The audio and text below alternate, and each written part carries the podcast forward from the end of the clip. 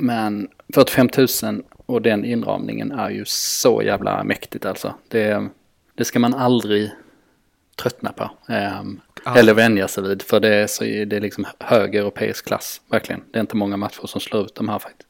Och AIK-Djurgården är ju det, den största matchen och eh, den här gången var det ju ettan mot tvåan till och med.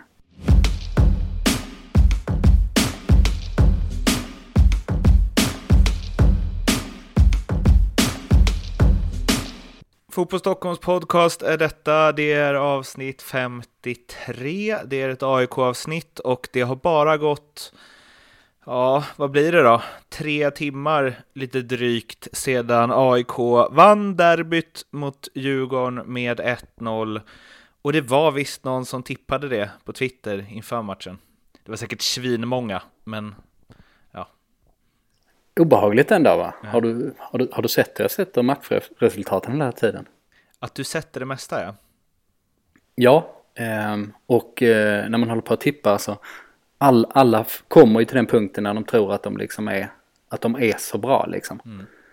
Eh, där är du nu. Ja, precis, där är jag nu. Och liksom tar ingen hänsyn till att det inte finns någon tippare i världen som kan hålla det här tempot som jag gör just nu. Nej. Det är bara att men, go with the flow och glädjas medan det går bra. Precis, men vi var inne på det förra podden, eh, som var en deppig podd för att det var det mest eh, summera Europaspelet. Mm. Men eh, vi var inne på det på slutet där, att vi hade ju en bra känsla vad gäller AIK och derbyt. Att vi trodde de skulle ta det helt enkelt. Mm på ett väldigt AIKskt vis också genom en straff som Sebastian Larsson gör mål på, förstås, i ett derby.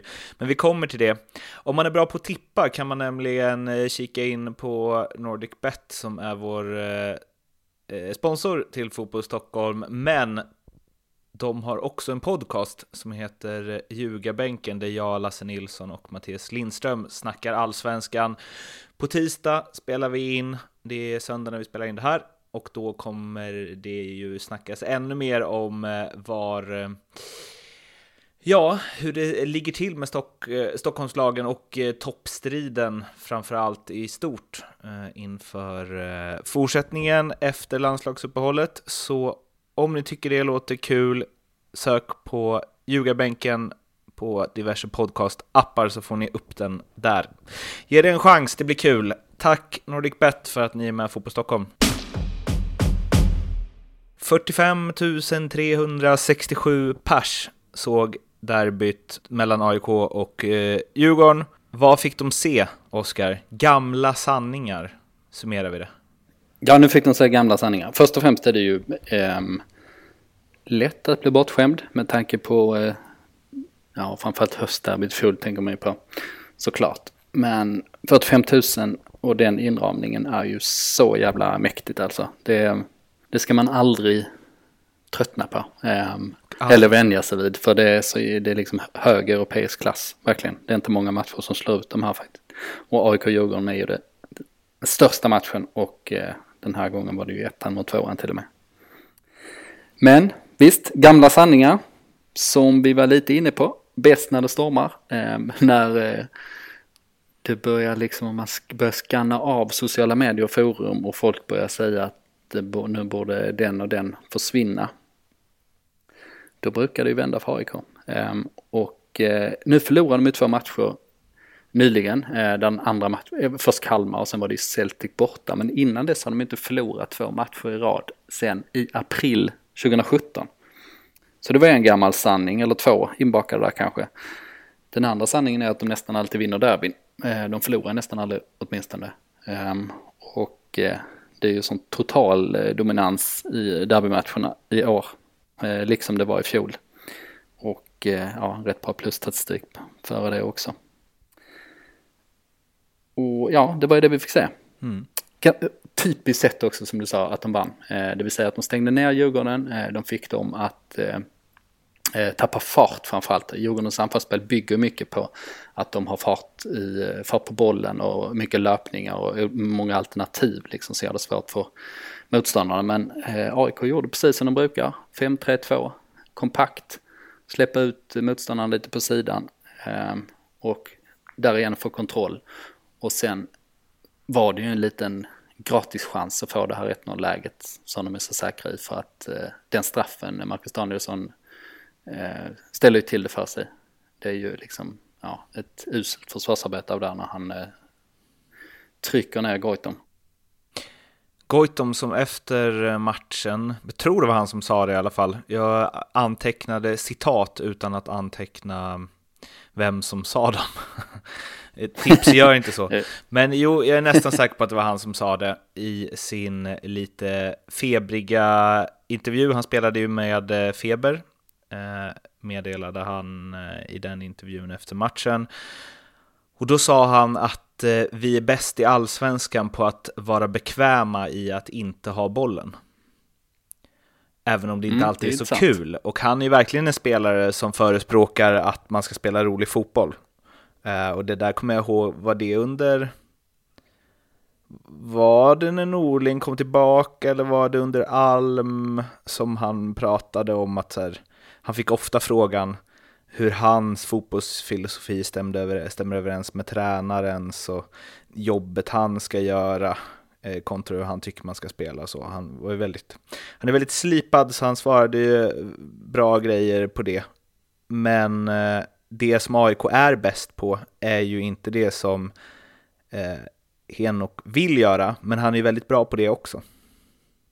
Verkligen. Um, särskilt nu är ju krocken större än någonsin egentligen. Alltså för Henok är ju en eh, Pep Guardiola lärling. Eh, kommer han väl bli för han kommer ju starta en tränarkarriär direkt när, när den eh, spelarkarriären är över. Eh, och det är ju liksom så långt ifrån man kan komma det som Norling gör nu. Och det, och, eh, det var ju också som du var inne på där med Andreas Alm då, och det, det var ju inte heller någon match vad det gäller liksom filosofin. Ehm, och eh, då kom det fram efter ett tag, det var, det var ju då de snackade om det, det var en ganska öppen konflikt liksom. Alltså en, inte en konflikt på personnivå så här liksom att det är ett bråk utan men det blev, blev så här tydlig, tydlig, eh, tydliga diskussioner om det om man skulle spela. Och jag tror det tog Henok eh, ett eller ett och ett halvt år eller sånt där innan han liksom förlikade sig med att okej, okay, men nu rätta in mig i ledet istället och eh, spela så som tränaren säger. Och då börjar det gå bättre för honom. Och eftersom man är så, ja men eftersom man är så taktiskt slipad så klarar han ju spela på det här sättet. Eh, det vill säga att han är liksom lika noggrann i eh, hur man täcker av ytor och så vidare och hur man dirigerar sina närmsta medspelare och så, vilket är viktigt i det här 5-3-2-spelet där det mycket handlar om att, att styra motståndarna till olika ofarliga ytor kan man väl säga. Ett sätt det visade sig på i den här matchen att AIK är så bekväma i att inte ha bollen var att i första halvlek hade de 28 eller om det var ännu lägre. Det kan vara, nej jag tror det var 28 eller om det var 26 till och med procents bollinnehav. Ehm, och lät Djurgården rulla runt utan att Djurgården egentligen skapade någonting. Eh, men när de vann SM-guld förra året så hade de ju, snittade de ju 47% bollinnehav, så de är ju vana att ha lite mindre, men kanske inte så här lite. Men det, förklaringen till det efteråt var ju ganska mycket tröttheten, som Rickard Norling mm. pratade länge om, Sebastian Larsson som ju eh, byttes ut på eget bevåg Eh, förklarade att han bara helt enkelt tog slut och att han kände det redan under uppvärmningen att något inte var som det skulle. Han eh, mm. sa att um, har vi bara 60% av, eh, av liksom kraften i våra kroppar så gäller det att hitta andra sätt att vinna på. Och han sa också att, om jag uppfattade det rätt, att laget tog helt slut efter 20 minuter. Och efter det var det bara att eh, kriga. Um, och det är väl ett, eh, någon form av styrkebesked. Att ett lag kan ta slut efter en, ja vad blir det, en femtedel av en match och ändå vinna den. Ja, det ska ju nästan, nästan inte gå om det nu, om de nu var så slitna. Det kanske, ja, det var väl säkert lite individuellt. Men bollinnehavet är jävligt intressant. Man kan ligga så extremt lågt på hemmaplan och ändå vinna. Ehm, det är ju väldigt ovanligt. Men jag tror, eh, dels berodde det på, match, eller på tröttheten såklart, men jag tror också att matchbilden blev lite sådär, okej, okay, AIK lät Djurgården ta kommandot eh, för att de kände att det, det är väl liksom en dålig idé att, att eh, AIK ska liksom eh, försöka luckra upp Djurgården. Eh, det, det hade nog inte varit rätt matchplan. Men sen så fick de det där målet och sen spelade de ju av resten av halvleken. Ehm, och då blev det på det viset. Och det var ju lite strategin sen efter. Plus eh, trötthet liksom att Djurgården började, började chansa och sånt. Så, så det, fanns liksom, det fanns inga perioder i matchen där det var logiskt för AIK att ta kommandot. I så fall hade det blivit ja, lite högre åtminstone. Eh, I liksom en ja, om det varit oavgjort och ja, om Djurgården hade lett så hade ju AIK tagit bollen också lite mer. Men eh, intressant ändå. Vet inte, ja, något man borde kolla upp kanske. Om no hur lågt bollinnehav man kan ha och vinna på hemmaplan. det är lite som den där Kurt Olsson med Patrik Sjöberg va? 2,42 ja, är det högsta du har hoppat, men vad är det lägsta du har hoppat? Just det. Hur... Jag tänker på Drillo också eh, i Norge. Hans eh, fotboll på 90-talet där. Mm. Där han eh, eh, kommit fram till att, man, att nästan alla mål gjordes eh, efter eh, fyra sekunder efter man erövrat bollen. Så det var liksom knappt lönt att ha den längre än så. De bara skickade upp den. Får vinna en nickduell och sen avsluta. Men mm. det var en lite annan, annan typ av metodik. Men det kanske, kanske där vi ska leta i så fall. Drillo och Pep kanske borde ta en bärs ihop. Snacka fotbollsfilosofi. Ja, ja precis. Eh, tillbaka till tröttheten. Eh, Rickard Norling sa efter att eh, de har gjort 7-8 eh, matcher fler än Djurgården de senaste månaderna. Det var som att han inte riktigt själv hade koll. Jag har inte kollat upp det, men eh, det kan inte vara under så himla kort tid i alla fall. Eh, och att möta dem att det tar ut sin rätt så sa han, vi är fan helt slut. Toppen på allting blev det här. Först Celtic, sen Djurgården i ett derby.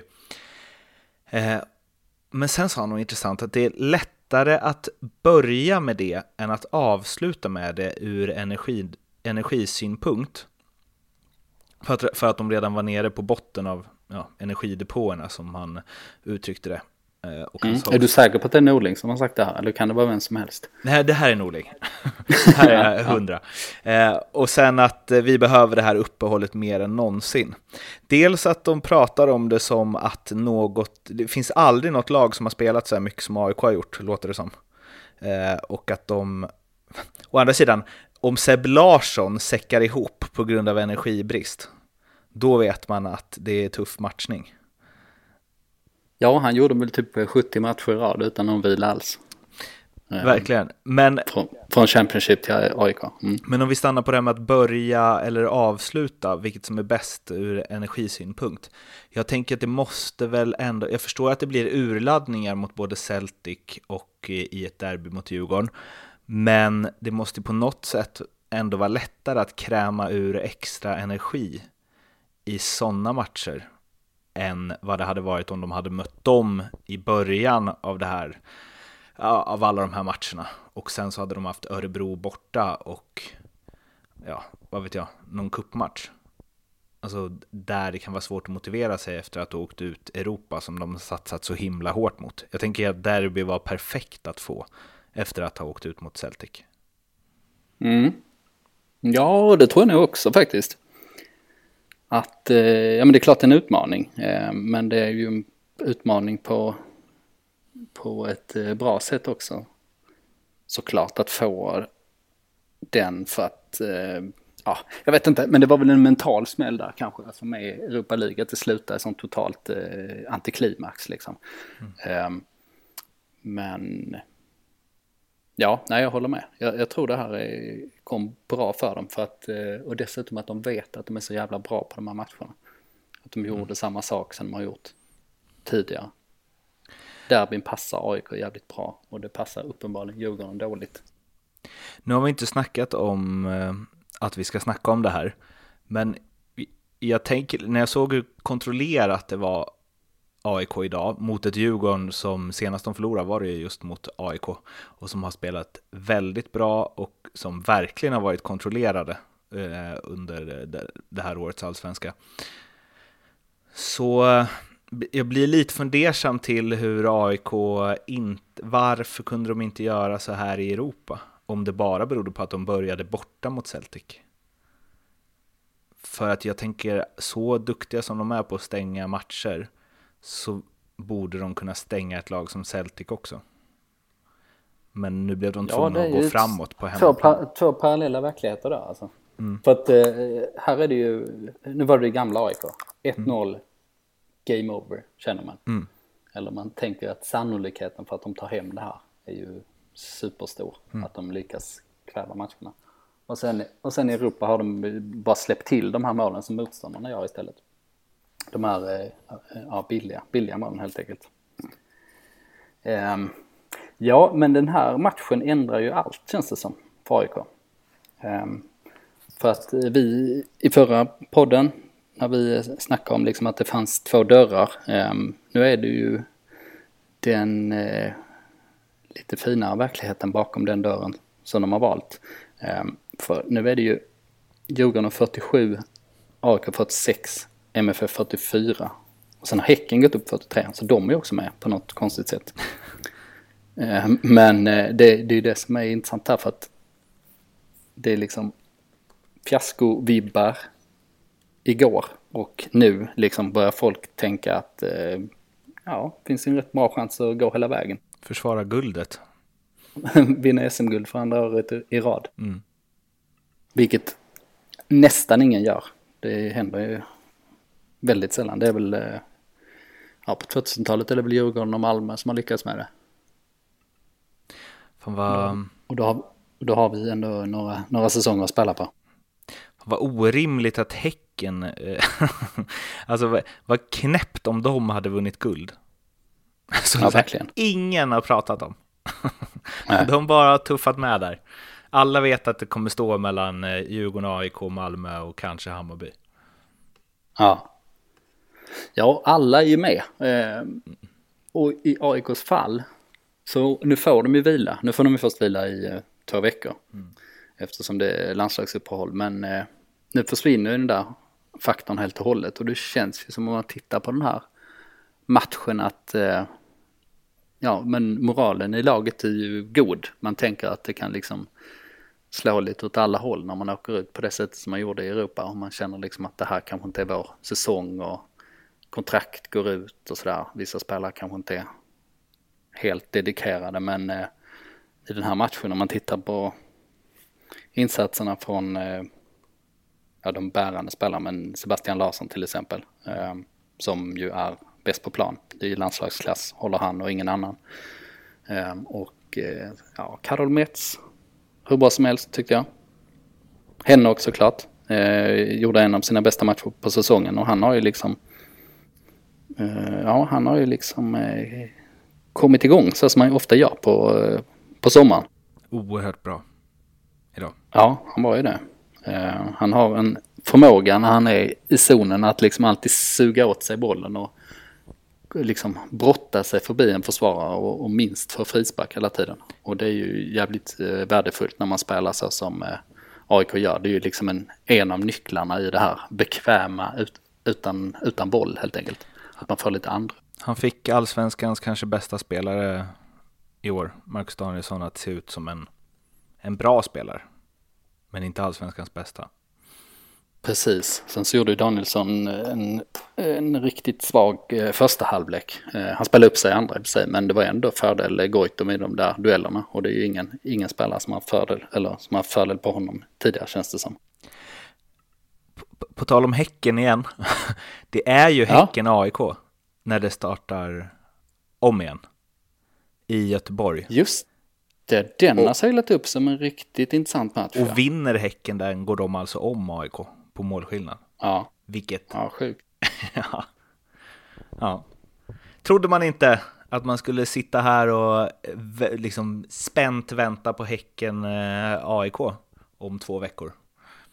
Nej, ja, den är ju en riktig höjdarmatch. För det är ju dessutom Eh, vinna guldet är ju det stora såklart, men det viktigaste för klubbarna är ju nästan det här att bara klara topp tre. Mm. Alltså det, det, känns liksom framförallt att det är någonting som man inte ska misslyckas med om man är liksom, eh, åtminstone om man är Malmö eller AIK. Och sen så finns det ju rätt bra aspiranter där i övrigt också. Eh, nej, ny nyckelmatch, har jag inte ens tänkt på. Vi börjar närma oss slutet på den här podden, men tre saker. Först, mm. Tarik Elionossi och Sebastian Larsson får inte vila. De ska spela landslag, båda två, mot varann dessutom. Um, hur uh, påverkar det, tror du? Mm, det påverkar nog inte så mycket ändå. Två matcher på två veckor, va? Där, där bör man inte lägga in någon eh, vilofaktor. Okay. Inte helt säkert att de får spela heller. Eh, Sebastian bör ju ta en plats på innermittfältet. Och Tarik är lite in och ut där i norska landslaget. Han har fått spela ganska mycket men det är inte självklart. Sen så har du klantat till det. Ja, ja just det. Um, jag har slarvat bort Bernt Hulsker-boken. för, att, för jag hade en jävligt bra grej att läsa upp, men det får vi ju skjuta på till nästa vecka. En av de svagare grejer att du läste en tis från den för typ två program sen och sen tappade bort den. När vi hade lagt upp det som att det skulle vara högläsning i slutet av alla AIK-avsnitt. Ja, det är svagt eh, får man säga. Mm. en, då, en dålig teaser. Ja. Å andra sidan, den som väntar på något gott och så, och så vidare. Mm. Oh, sannerligen. Ehm, sista grejen så vill jag bara avsluta med, och det här vet jag att det var Henok Goitom som sa. Men han mm. sa att eh, lite på det spåret, för du, vi pratade om det sist, att du håller på en rolig allsvenska. Mm. Och han sa, det kommer bli bra matcher för hela Sverige. Sa han. Just det, han har gått in lite i den här andra sidan-rollen. Ja. En tv-expert. ja. Han tar det perspektivet också alltså. Det var Discovery Henok som stod där efter matchen. Ja, precis. Mm. Ja, man har lite i det. Det märks lite att han har ändrat. Han har ju alltid varit liksom verbal och, och ja, eftertänksam i största allmänhet. Men eh, det, det, känns ändå som man har adderat ett lager på det där faktiskt. Men det stämmer ju jättemycket. Man är ju väldigt pepp på de avslutande åtta omgångarna. Det kan man ju lugnt säga. Men först Sverige-Färöarna. Ja, det blir grejer. Då tog vi inte upp eh, kvällstidningsgodiset då. Ja, ska vi göra det? Äh, det är ju så här liksom efter matchen blir det alltid massa skitsnack liksom. Ja. Ehm, och kvällstidningarna är där och hugger efter kon kontroverser. Eller de tittar alltid på de liksom snackisarna direkt. Mm. Så Astrid Ajdarevic och eh, Enokofi Ado hade ju något eh, snack där eh, på slutet. Det var lite din mamma-snack och sånt tydligen. Lilla bitch, skulle han ha sagt. Ja, just det. Konstigt att bli. Varför fick han så ont i huvudet av det? Ja, den var eh, lite lurig faktiskt. Men... Eh... Det var länge sedan jag såg någon hålla sig för huvudet så länge.